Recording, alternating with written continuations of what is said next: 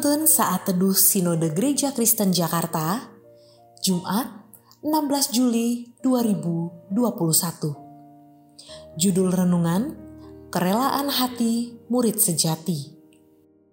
Diambil dari Nats Kitab Nabi Yeremia 18 ayat 1 sampai 6. Pelajaran dari pekerjaan tukang periuk. Firman yang datang dari Tuhan kepada Yeremia bunyinya, pergilah dengan segera ke rumah tukang periuk. Di sana aku akan memperdengarkan perkataan-perkataanku kepadamu. Lalu pergilah aku ke rumah tukang periuk, dan kebetulan ia sedang bekerja dengan pelarikan. Apabila bejana yang sedang dibuatnya dari tanah liat di tangannya itu rusak, maka tukang periuk itu mengerjakannya kembali menjadi bejana lain menurut apa yang baik pada pemandangannya. Kemudian datanglah firman Tuhan kepadaku. Bunyinya, Masakan aku tidak dapat bertindak kepada kamu seperti tukang periuk ini, hai kaum Israel? Demikianlah firman Tuhan. Sungguh, seperti tanah liat di tangan tukang periuk, demikianlah kamu di tanganku, hai kaum Israel. Modal utama seorang murid adalah hati yang rela dididik, diajar, diproses, ditempa, dan dibentuk. Sebab proses belajar itu bukan hanya bicara soal menambah pengetahuan saja, tetapi juga berkaitan dengan pembentukan karakter.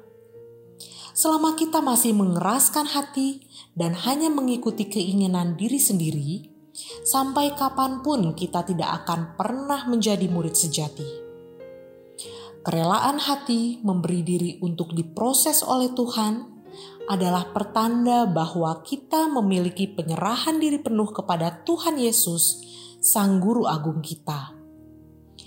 Arti dari penyerahan diri yaitu kita sungguh-sungguh mau menundukkan diri pada otoritas dan kehendak Allah Yesus Kristus telah terlebih dahulu memberikan teladan bagi kita para muridnya.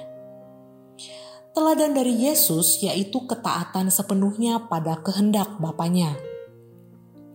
Firman Tuhan mengatakan, dalam keadaan sebagai manusia, ia telah merendahkan dirinya dan taat sampai mati, bahkan sampai mati di kayu salib. Oleh karena itu, hendaklah kamu dalam hidupmu bersama menaruh pikiran dan perasaan yang terdapat juga dalam Kristus Yesus. Untuk menjadi murid Kristus yang sejati, ada harga yang harus kita bayar. Kita perlu siap berkorban pikiran, tenaga, waktu, materi, bahkan perasaan kita.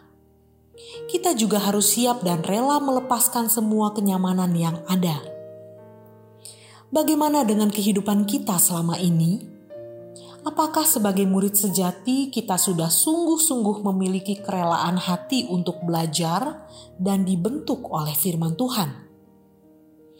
Kita harus menyediakan waktu kita yang terbaik untuk membaca, mempelajari dan merenungkan firman-Nya. Bukan di sisa-sisa waktu kita saat sudah capek, lelah, mengantuk dan kurang ada semangat atau gairah. Di sinilah kerelaan hati kita diuji. Apakah kita menghormati Tuhan dan firman-Nya dalam proses pembelajaran dan pertumbuhan iman kita sebagai murid sejati? Jangan sampai sudah lama menjadi orang Kristen, tapi hidup kita tetap saja belum menunjukkan perubahan dan sama sekali tidak menampakkan kualitas hidup yang meneladani Tuhan Yesus. Murid Kristus yang sejati akan selalu tunduk dan taat pada perintah Yesus, Sang Guru. Wajib bagi kita untuk hidup sama seperti Kristus telah hidup. Seringkali kita tidak memahami proses pembentukan yang Tuhan kerjakan. Namun, suatu ketika kelak kita akan bersyukur karenanya. Kiranya Tuhan memampukan kita